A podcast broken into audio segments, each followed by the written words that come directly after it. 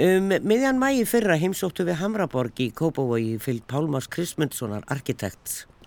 Þá í miðjuferli við að deiliskepulegja nýja miðbæ í Hamraborg í Kópavogi. Við spurum þá og gerum enn er hægt að búa til miðbæ. Skapast miðbæ er yfirleitt ekki í kringum ákveðnar byggingar svo sem söfn og menningarhús og kirkjuna.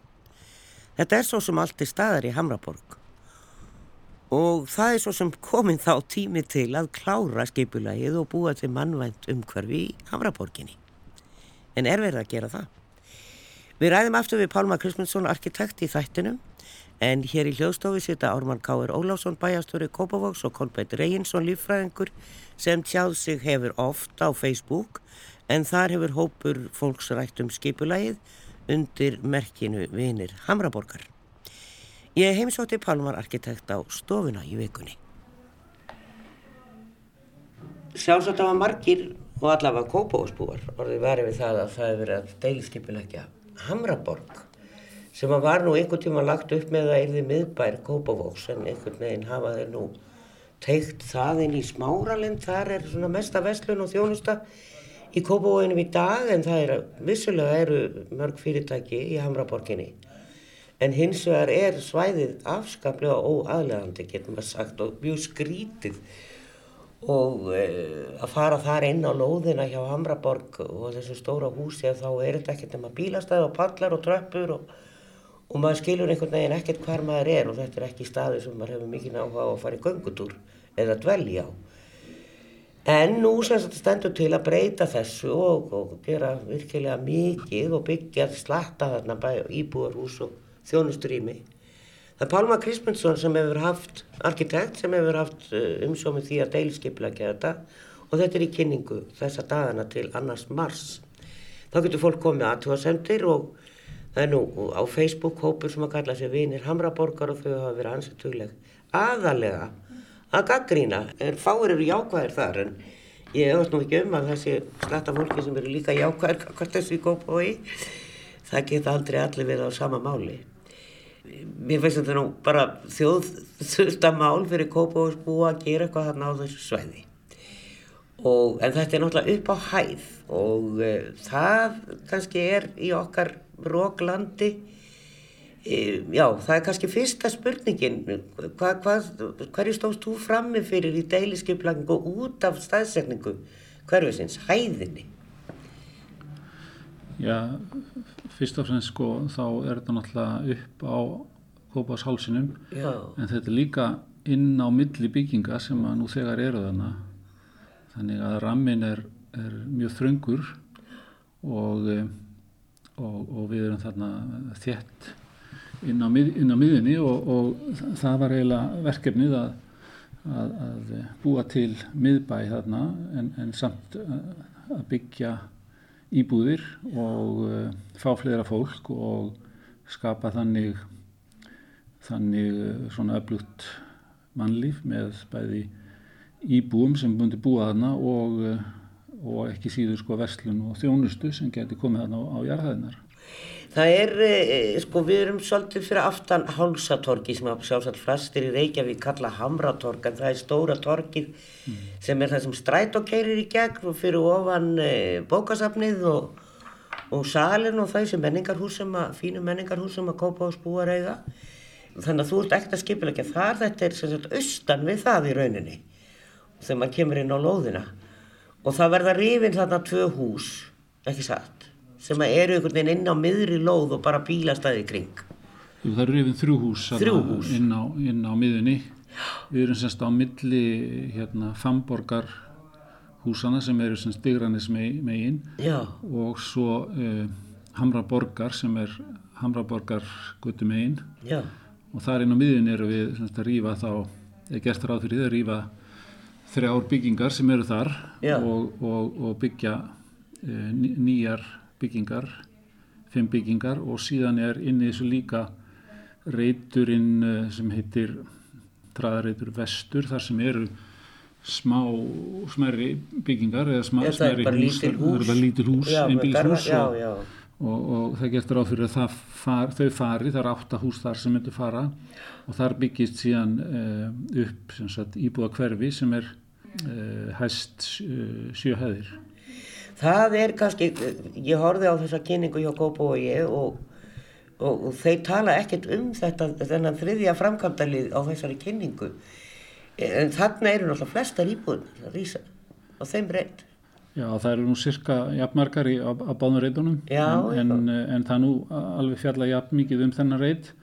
Hann er bara, eða því hann er þarna úta á hotninu við Degransvegin og Vallatröðina þá, þá er hann alltaf ekki eins glemdur inn á milli eins og, og hinn er. Semst með því að fjalla þessar byggingar sem eru fyrir inn á miðinni þá liðkum við aðeins til og opnum hann á milli og eða það er að segja austur vestur hálsin og, og getum þannig tengt þetta svæði uh, á svona áhugaverðan hátt alveg frá menningarhúsunum sem eru frá gerðasafni og, og, og alveg upp á, nei austur segja hérna hálsin.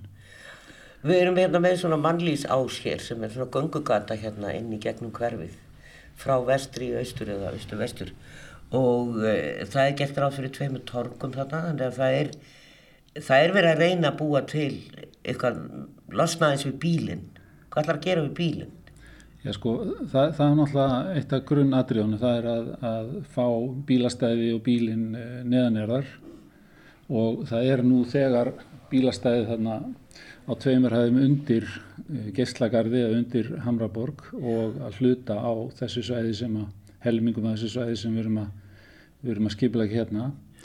Og uh, það er náttúrulega eins og ég segi, grunn skilir að þetta sé bílfrýtt svæði og það sé lagt upp með að þarna fljóti mannlífið yfir og, og, og án þess að vera trublaða bílum sko. Já, já, og þannig að það fer þá undir jörðina, þessi það bílastæði sem eru þarna, það eru ótal stæði þarna finnst manni. Já, já, það, það fer allt undir þarna, yfirborðið og hluti af þessari sömu hugmynd er að búa til þarna svona grunn fyrir bíllausan lífstíl vegna tengingar hérna, borgarlínu og, og annað slíkt og bara staðsynninga svæðisins á, á höfubarksvæðinu.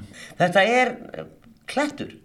Já, já, það er stórun hluta klöpp hérna en eins og ég segi það eru bíla, bílakjallara þarna undir á, á, á einni og tveimur hæðum þannig að það þarf bara að stækka það þarf að stækka það svæði inn undir þetta. Já, já, já. Hvað er þessi göngugata hérna, mannlífs ásinn? Hversu breið er hún, meina ég þá, í, í norður söður? Hún er svona 10, 12 og upp í 15 metra, metra breið og, og, og eins hinnum einn, að hérna, og síðan eru byggingarnar sem það stallaðar til söðurs uh, upp frá göttunni, svo við leipum meira, meiri hérna, skikjum semst minna á, á göttunni en annars og, og einnig er það brotið byggðin brotin upp svona út af, út af vind e, álægi. Já, þetta er eitt af því sem að fólk hefur mikla ráðgjur á alls starf það sem við byggjum að, að það sé verið að byggja of hátt og, og sólinn komist ekki og þetta skapi vind. Já. Ég sá að Ó og Ebla voru að vinna uh, rannsóknir á þessu. Hversu vel var þetta mælt, guggavarp og, og, og vindur?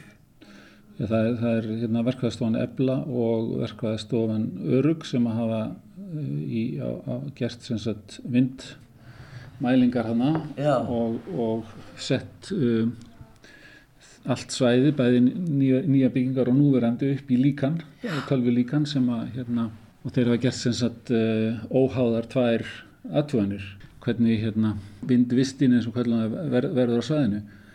Og um, breytingin er ekki mjög mikil með það sem er í dag og, og það er held ég á einu með tveim stöðum sem að, sem að þarf ykkur að mótvæðis aðgeri semst, á yfirborðinu til þess að koma í veg fyrir að, að það geti skapast eitthvað eins og, eins og er, nú á einhverju stöðum hann í dag.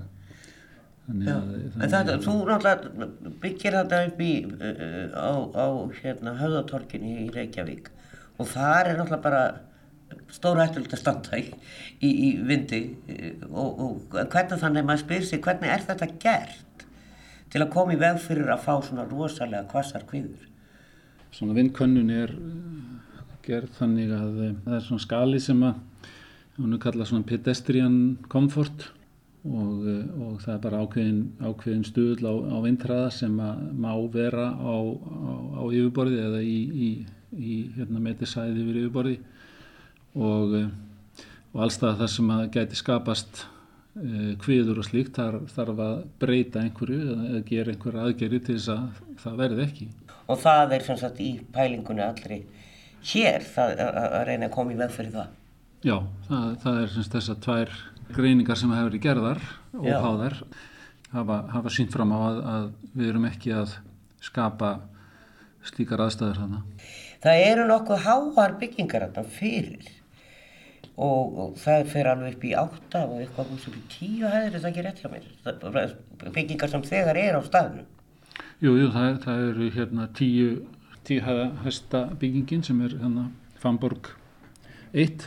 E, svo eru þarna átta og nýju hæða hús.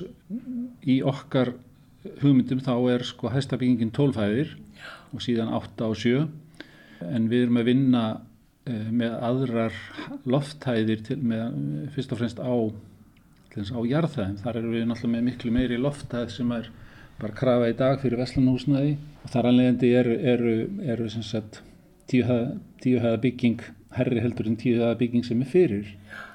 En það byggir engin í dag með þeim lágu lofthæðin sem, að, sem voru á þeim tíma.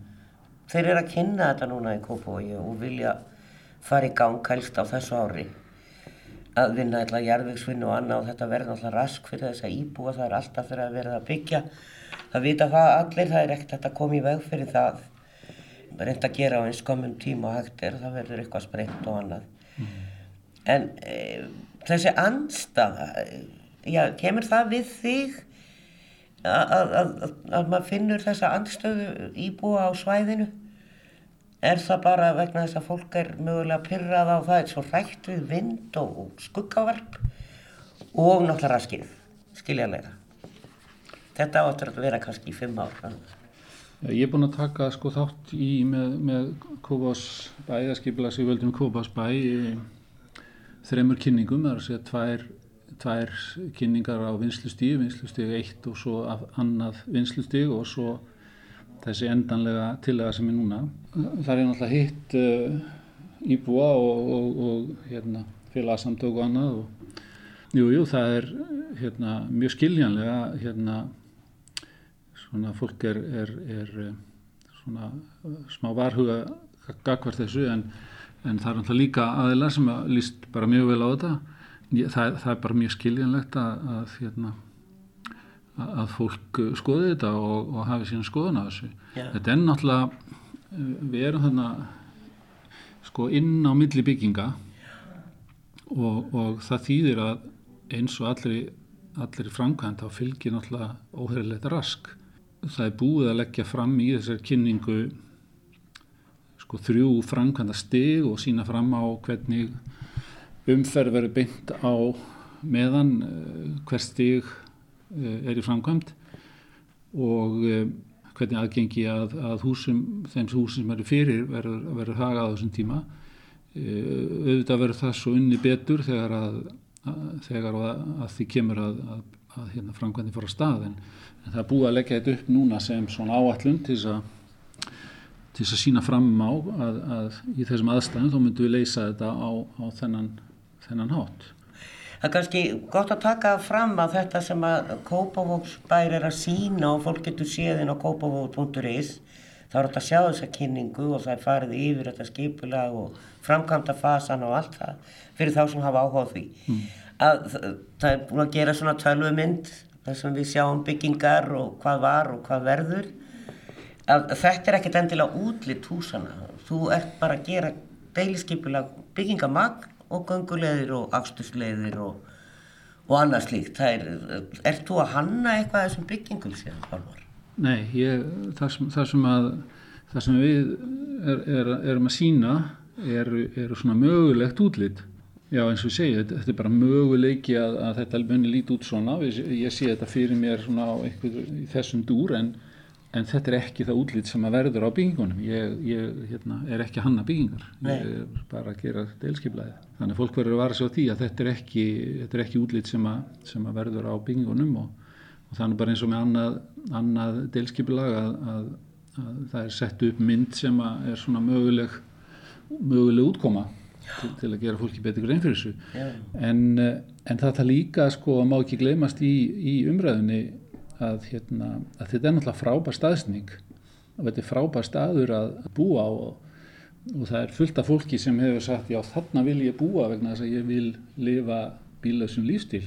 Við erum að leggja upp fyrir þannig umhverfi sem er, er kannski fjölbreyttar að þessu leiti og ég held að, að þetta eigi alveg framtíðana fyrir sér að þarna skapist mjög fínt uh, miðbæjar samfélag og það er náttúrulega grunn hugsunin í þessu svo getur allir hatt skoðun á því hvort að uh, þetta er að líta svona út eða eða hinsinn, það getur við haft hver sína skoðun á sko.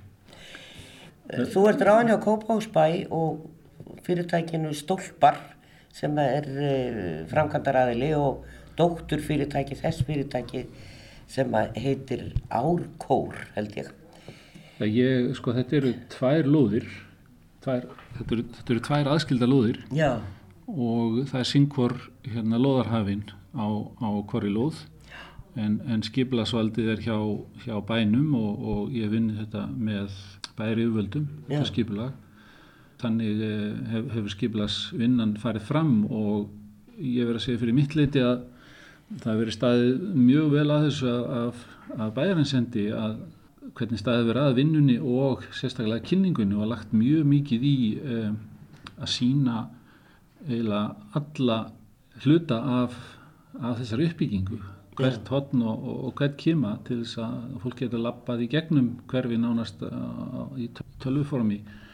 Þannig að ég, ég, ég vil segja bara sko þetta, þetta er að mínu viti bara frábær staðsning og frábær uppbygging sem að menna þessi staðan Saði Pálmar Krismundsson arkitekt hjá PK Arkitektum og við kvílum hann í byli og hilsum upp á Ármann Káur Ólafsson bæjastjóra Kópavóks og Kolbein Reyinsson lífræðing og Kópavóksbúa sem að lætur málið eh, Sigvarða. Velkomnir.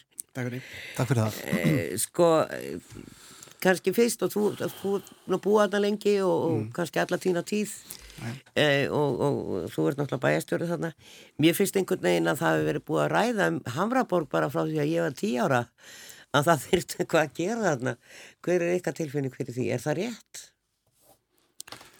Já, ég veit allavega hvað mjög var þar, að þá, þá er ég búin að vinna hann í 22 ár. Já. og uh, það er að segja um, ekki fastri vinnu en sem bæjafulltrúi og svo núna sem bæjastöru í hérna, hvað, 8-9 ára eða hvað þetta er orðið og auk þess þegar ég flutti 96 í Kópa og flutti á Kásnesið Já.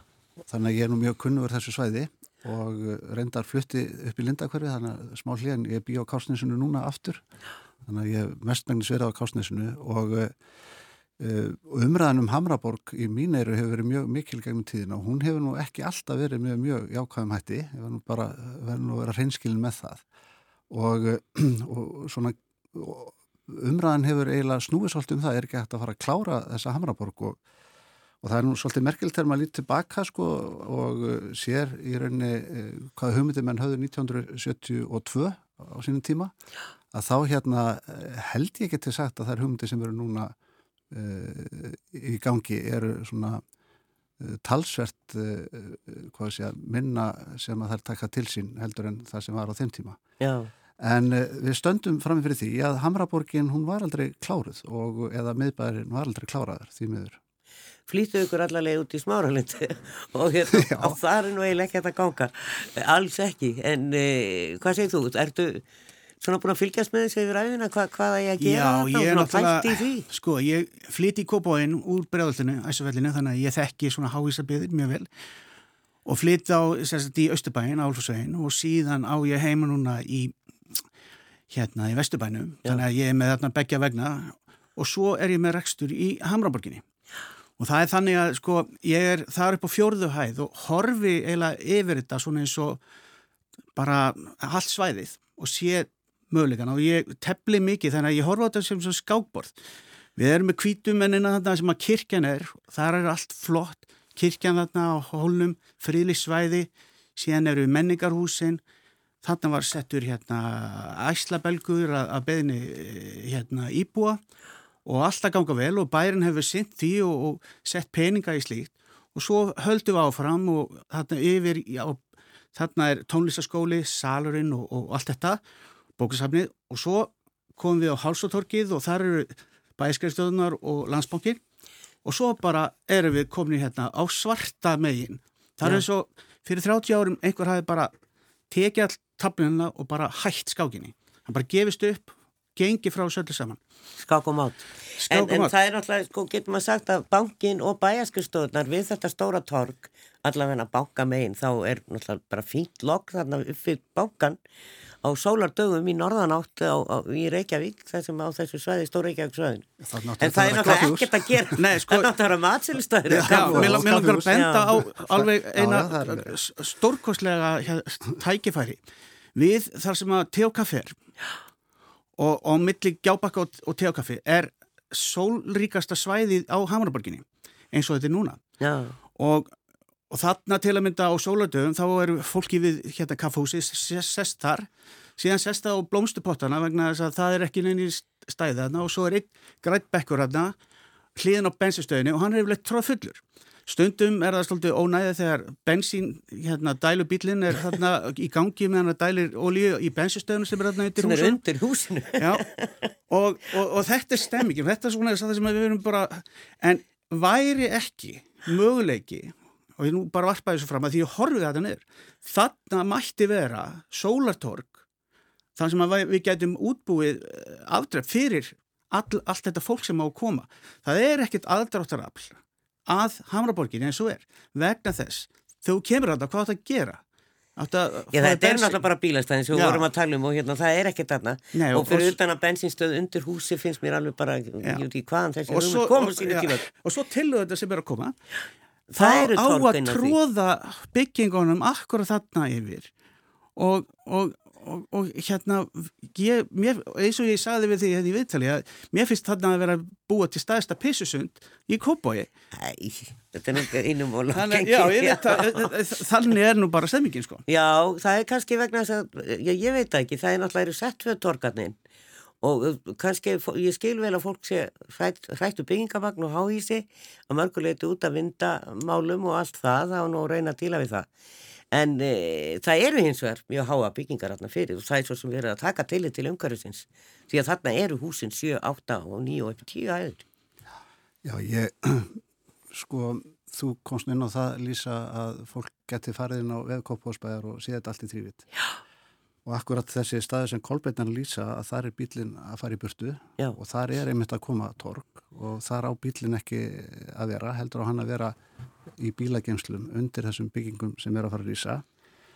Og þetta torgið til viðbótar við hálsa torgi sem að hamra torgið hefum kannski verið meira lýsandi, ég er sammála því eins og þú sagðir og svo er að koma sólartorkið sem er mjög stort og svo er að koma þessi mannlýsás þannig að það er verið að breyta þessu gríðalega mikið og hugmyndafræðin sko þetta er ekki bara hugmyndafræða bak við Hamraborgin við erum að skoða stóru myndina og þá er hún svo að við erum núna uh, sveitafélagin og höfuborgarsæðina fjárfesta í, í borgarlínunni og við hugsaum okkur það að við erum hann með fjölmjölustu vinnist að Reykjavík borgar hinum með við fórsvarsbrúna, það er eh, spítalan og báða háskóluna og svo stjórnsýsluna eins og hún leggur sína mest og svo þegar þú ert komin þarna yfir að þá taka við þéttingakverfi sem eru núna að rýsa, bryggjukverfi sem er sennilega eitt vinsalasta hverfi bara á höfuborgarsvæðinu og líka þarna við höfnina og svo eh, liggur borgarlínan í gegnum borgarlspötuna og þá erum við komin í Hamraborgina og Hamraborgin er miðbærin í Kópói og þá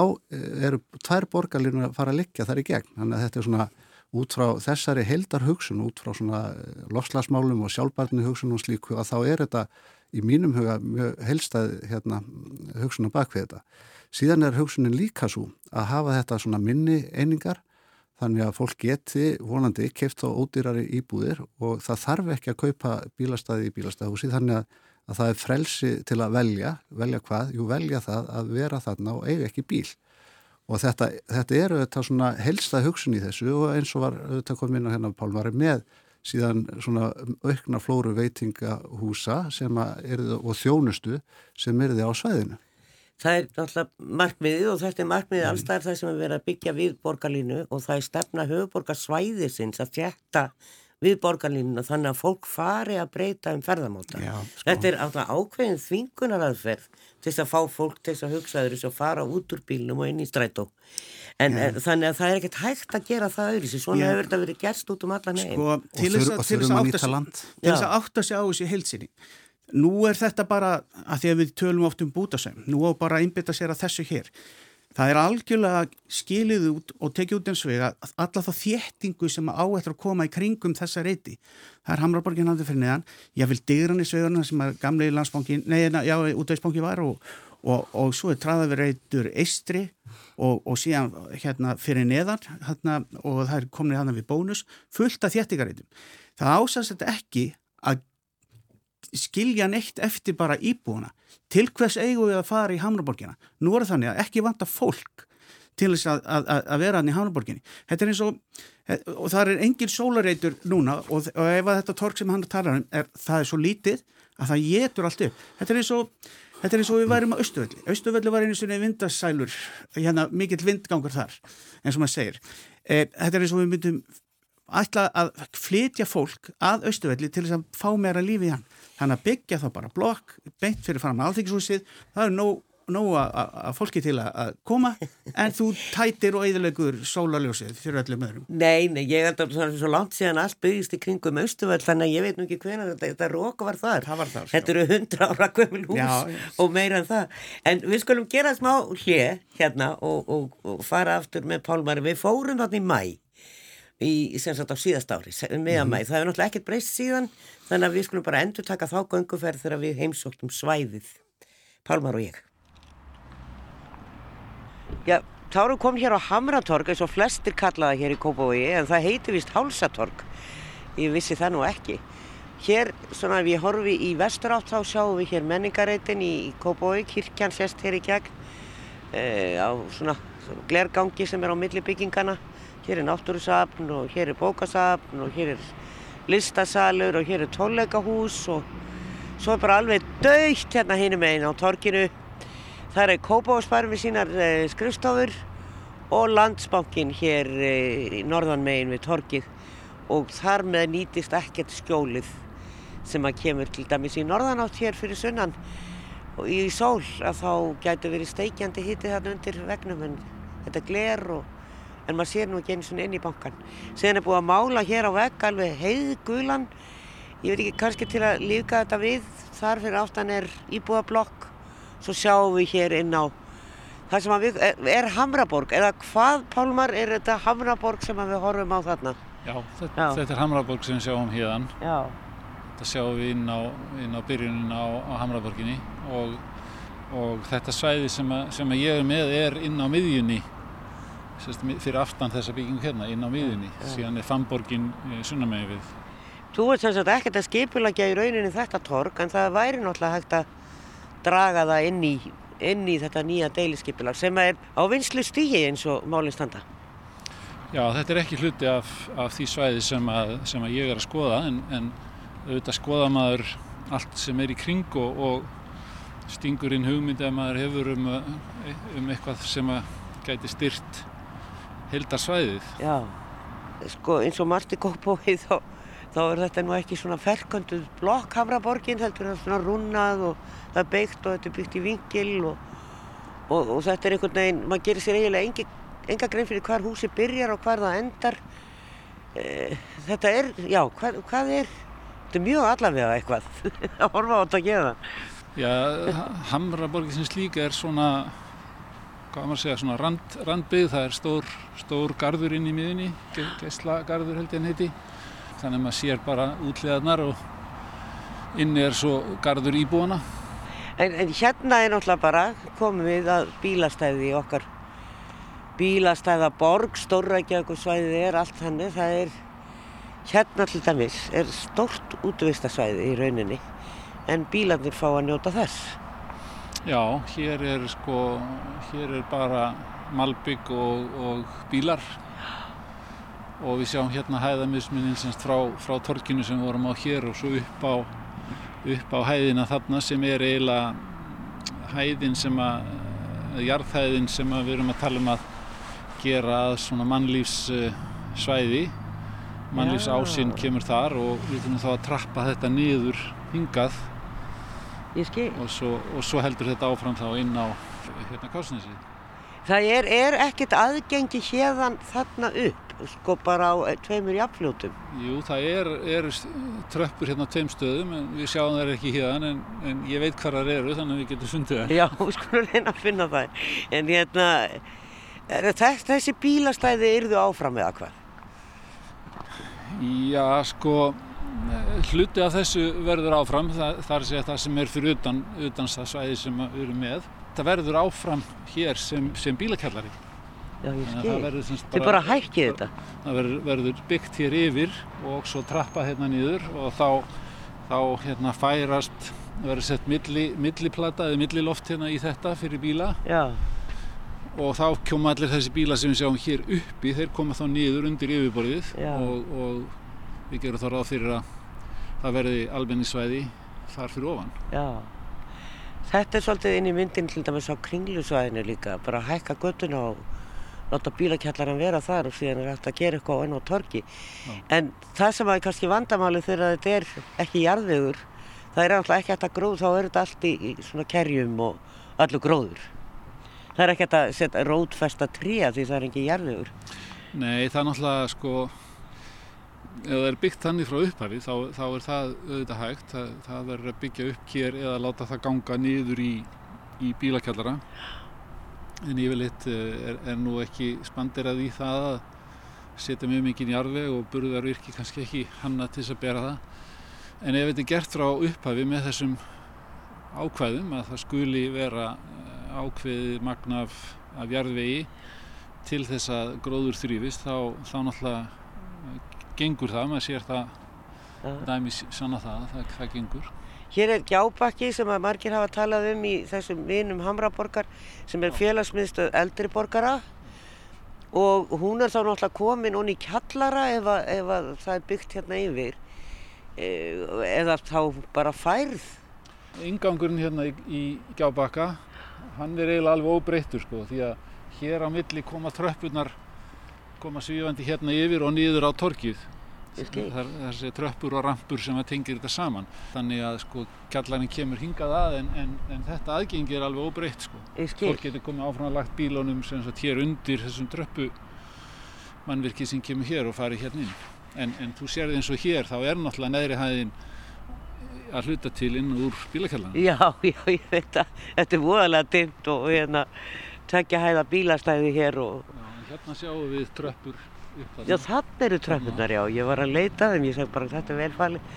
En það er alveg kostulegt sko hvaða bílunum er gert hátt undir höfði hér e, og, og hvað er virkilega sko einhvern veginn hefur verið eitt miklu plássitt fyrir, fyrir bíla. En skiljanlega, fólk vil vera á sínum bíl og alltaf einhvers stað verður hann að vera en, en það er einhvern veginn ekkert verið að pæla til dæmis í, í sko estetík eða fegurð eins og hérna til dæmis. Þetta er bara, hún kemur út á opni svæði og hérna beint undir og þetta er svona mjög hérna kuldalegt. Já, þetta er, já, þetta er náttúrulega, sko, það sem við erum að tala um er, er í rauninni allt annar heimur. Þetta er bara, bara gjörbylting á, á þessu svæði að, að bara, það er svo margt sem að mæli með því eins og bara, sko, tengingin við borgarlínuna og slíkt að, að, að þörfin fyrir svona mikið bílaflota er, hann, hann hérna, Hún ætti að minka. minkar Já. alveg umtalsvert. En þetta er svolítið völundarhús. Já. Hérna, maður er að fara inn og undir bílakjallar og upp tröppur og, og þetta er svolítið sérstakt svæði. Þetta er svolítið rángalar hérna og, og, og ekki, ekki svona, býður ekki upp á dvelja hér lengur en þar fælt ég, Nei, í mörgum tilfellum.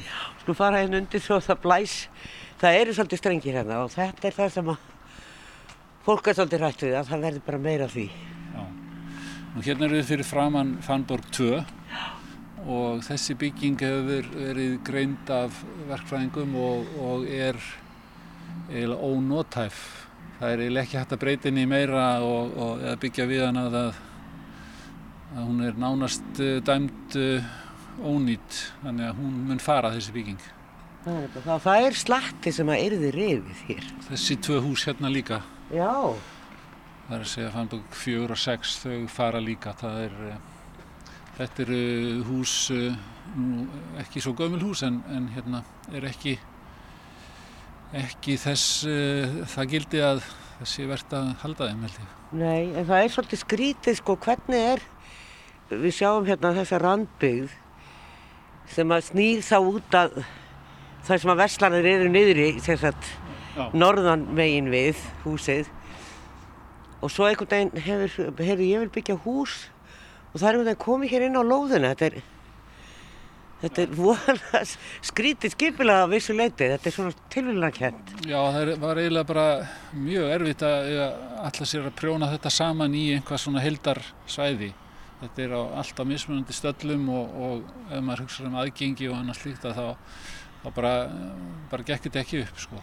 Þú sér hérna rampa og þú sér tröppur út um allt og þar með var þetta ákvörðun að, að þessi hús færu og þannig alltaf opnast, opnast tölvert hérna við gablinn þarna og þar erum við að setja þennan mannlífs ás sem á að tengjast alveg niður á torki sem við vorum á áðan og svo áfram upp í upp í upp nesið. Já, auðvitað að kíkja, maður verður samt svolítið sem maður kemur hérna að því maður sér alltaf tröppur og rampa, hvað er hérna á bakvið og hérna þannig að það er svona vekur svolítið forvittni mm -hmm. en ég veit ekki hvað við sjáum þegar við komum hér fyrir hotna á Famborg 2 sem er hús sem hverfur þá. En þetta eru íbúðir hérna, er það ekki, í þessu stóra? Jú, það eru íbúðir, íbúðir hérna en, en svo eru fyrirtæki á öðru hæðanum í, í hérna Fannborg 10 og 12. Já, já, já, hérna fyrir við ekki upp, nei, býtu nú við. Þetta eru allstaði svona rampar og tröppur og, já, hérna. Já, það er sem sagt, þegar við komum hér á bakvið þá, þá taka við önnur bílastæði. Já, Ég held ég hef aldrei farið hér, bara hefur nátt komið hinn með einn sko, það sem búðurnar eru, en aldrei farið Já, hér á bakvið. Það er fáir sem þekkja þetta svæði og vita hvað, vita í rauninni hvað við erum að tala um þegar við tölum um Fannborg. En, en þessi, hér er þetta alltaf há hús. Já, hér er, hér er hérna tíu hæðabygging. En þessi gata hérna sem heitir Neðsta tröð, þetta er það sem við sjáum fyrir okkur að breytist í þennan mannlýsás og þá kemur þetta í beitni línu hérna og, og þessi bygging farin og þá mun maður sjá að hafa sjónlínu niður á, á Holsatorg og niður að menningar miðstöðinni sem er þar. Þessi hús, þetta, þetta eru bara láreist einbílishús, mörg, mm. kannski tveggja íbúða hús einhver þeirra. Þa, þetta eru hús sem maður myndi hverfa. Já, þetta er uh, traðareitur vestri heitir hann og uh, þarna eru gömul eða svona hús sem eru komið til ára sinna og, og ekki kannski mörg þeirra mjög vel byggð. En þetta svæði er, þessi reytur, hann, það, það hverfur alltaf honum og, og koma nýja byggingar og bílakellari á, á tveimur hæðum undir. Já, og þetta bílastæði hverfur sem er hér? Þetta bílastæði hverfur hér, það kemur bygginga hluta til á því hérna og hluti verður að þessu mannlífsás hérna. Sko þetta er bara á vinslustíði Pálmar og, og þú, þú ert í rauninni sem er mjög sjálfgæft að kynna bæjarbúum og fyrirtækjum og yfirvöldum hér það sem þú ert að hugsa en þetta er engin, ekkert endalegt deiliskypulag, fólk er að koma með aðtöðarsendir. Já, hva, hvað sérðu um framhaldið? Núna erum við náttúrulega í svona sérstakum tíma og, og allir einhvern veginn að býða hann af sér og hann, hann takja enda en það er náttúrulega ekki sér fyrir endal á því. Sko það er náttúrulega mikilvægt að koma bara deilskiplæðinu í, í, í sinn farfi og klára það og ég venti þess að það verði, það verði gert. Það er að held ég allir eða, eða flest allir sem eru svona standa á baku þetta þetta svæði þarf, það þarf endur nýjum líðdaga í, í framtíðina. Og e, við höfum alltaf fengið fullt að aðtöðasendum eins og oft er og við erum að skoða, skoða þær aðtöðasendir Við erum búin að breyta tillögunni núna, ég er búin að fara að kynna það fyrir uh, íbúum og fyrir um, fyrirtækjum, það er að segja þeim sem er í forsvari fyrir, fyrir fyrirtæki og íbúður, íbúða. Við erum svona fann að nálgast það sem að gæti orðið endarlega til aða sem, sem að verður þá kynnt almenningi og þá getur fólk ennþá komið með aðtöðsendir kannski svona í lokinn Pálmar, þessi stóri turn sem að fólk hefur mikla ráðgjur að, þú séu því að það er nú, eins og ég segi, nokkuð stóra byggingar sem við erum að horfa á hér, nýju hæðir, þetta hús við horfum á hér og svo er annað tíu hæða, þú ætlar upp í 12. 12 hæðir. Hvar er sá turn sem að fólk hefur svo mikla ráðgjör af skuggavarpi? Hann er hérna hinn með við Fambörg 2. Það er það sem að verður, Já, við, það, á lóðinni þar sem húsi verður rifið. Já. Það verður spennandi að sjá þetta og hvort að Kópahúsbúin tekst að búa til fallegan og skemmtilega miðbæ sem verður aðlaðandi fyrir íbúa og aðra. Sjá til, sjá til. Já og þar með kvæðum við Pálma Kristmundsson arkitekt og höldum áfram hér í stúdíu með þeim Ármanni Káur Ólafsinni bæjastjóra og Kolbenni Reginsinni Kópahúsbúa. Sko, mér heyrist á þér Kolbenn að þú vilja bara helst ekkert byggja það. Að það þurfu ekki fólk. Það, það er bara ekki rétt hjá þér. Nei. Það sem að við höfum lagt áslá að sko þetta er bara svo óbáslega mikið byggingamagn, þetta er bara eitt atrið. Byggingamagn er svo mikið að við höfum svo skamman tíma til að mótmála. Af hverju var til og með ekki farið með þetta í samkeppni þar sem að væri hægt að, að, hérna, að búa til eitthvað þar sem að, að allir getur verið sammála um. En staðan er þessi.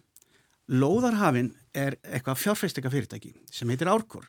Uh, Eigundi þess eru alls konar lið sem ekkert eru inn í byggingabransanum. Núna er verið að fá byggingarlefi fyrir öllu þessu magni. Tvöfaldi bílakjallarar, tólfhæða hús, sjö alveg út, uh, eðilegja hérna þetta mögulega sólatorg og, og það er ekkert samráð gert. Við erum búin að fara á, ég veit ekki hvað marga kynningafundi, en að þeir hafi hlustað á okkur, hlustað á okkar uh, áhyggjur eða neitt slíkt, eða við getum komið með eitthvað input, það er ekkert. Þannig að, að okkur er bara svolítið óbúið og það eru óbúðslega margi núna búinir að fá áhuga á þessu máli og ætla að spyrna við fótum. Já, það er gott að umræðin er í gangi og fólk skiptir sér af því sem er að gerast í bænum og, og það er nú ekkert alltaf þannig, stundum er þetta bara komið og fólk átt að segja á því eftir á. En eh, er þetta rétt? Er þið ekki að hlusta? Ég, ég minni nú á það að 2018 síðla árs uh, þá kemur uh, skiplaslýsing fram og það eru 28.000 fermetra sem erum að vinna með og síðan fer það inn í vinslu til og hjá okkur og svo eru ymsa rattir sem fara að heyrast að þetta séu mikið bingamagn og fólk getur haft ymsa skoðunar því og sjálfur var ég nú alveg þar sko því að þrátt fyrir að hafa samþýtt það að þetta færi í, vinslu til að færi í, í auglýsingu. Og ég held að sé nú alveg óvægt að segja það að, að það samráð sem að fóð fram leiti til þess að við fórum í vinslu til og tvö en, og það er auðvitað eitthvað sem er umfram það sem að lögin sé að tilum sem dæmi. Og það er náttúrulega ekki rétt að það sé ekkert samráð og það að við kynnum tillögur það eru þetta partur af samráðsverli að mm. fá aðtúaðsundi fram. Og þannig áður hann að deili skipilags tillagan kemur að þá er búið að skipilagslýsing og tvær vinslu tillögur og núna er deili skipilagstillagan í gangi og auðvitað verið að taka við aðtúaðsundum en mér langar líka þess að koma inn á þetta að ekki vanti fólki Hamraborg og fólk getur haft ólíka skoðanir. Ég nefnilega er akkurat þar að, að það nefnilega þarf fólk til að skapa mannlíf og uh, þetta er miðbær og mér finnst einmitt vant að fólki Hamraborg og það er svolítið svona útgangspunktur okkar, okkar í þessu og uh, þessi þjættleiki þarna er miðbæjar þjættleiki, getum sagt það, en menn voru að skoða stóru myndin og það var til dæmis komið og eru liggja fyrir deiliskeiplastillu frá Nýbilavegi og er rauninni kannski þá frá Lundi og upp í Hamraborgina og síðan þegar menn eru búin að horfa yfir sviða þá smætta menn myndina mm. og til dæmis þessar tillugur sem að koma fram þannig fyrir 50 árum að þá var verið, sko þetta var miklu, miklu meira byggingamagn og, og niður með skjólbrutinu meðfram borgálsbrutinu og það var stóra myndin og það hefur aldrei orðið. Og svo byggðum við bara Hamraborginu og það varði ekkert meira. Þannig að það sem við erum að reyna að gera núna er að klára miðbæðin okkar. Og það er alveg rétt að hérna, þetta er svolítið, þetta er bísna þétt. En engur síður að þá erum við að reyna að skapa þetta mannlíf sem að, sem að okkur vantar og okkur langar að fá fleiri veitingastadi, fleiri kaffihús, meira líf. Og það er það sem við erum að reyna að skapa þarna. Og Ég held að það að hafa bílinn neðanjarðar eins og við erum að gera þarna sem er bara svona partur af þessari hugmyndafræði sé mjög skemmtileg hugmyndafræði að mínu viti. Náttúrulega mikið rask eins og við vitum að þá að vera að sprengja og búið til kjallara. Já og ég lýsa verða að taka undir það. Það já, eru þetta áhyggjefni og þar verða vand okkur mjög mikið og það, ég hef alveg mjög mikla samúð með því. Öðvitað það er ekki ég, hægt annað. Mér langar kannski að bregðast við þessu varandi þetta samráð, hann talaði um að það hefur verið tilugur upp á 28 ást fermetra og við sendum inn tilugur og eftir tvo daga þá voru nýja tilögu komnar.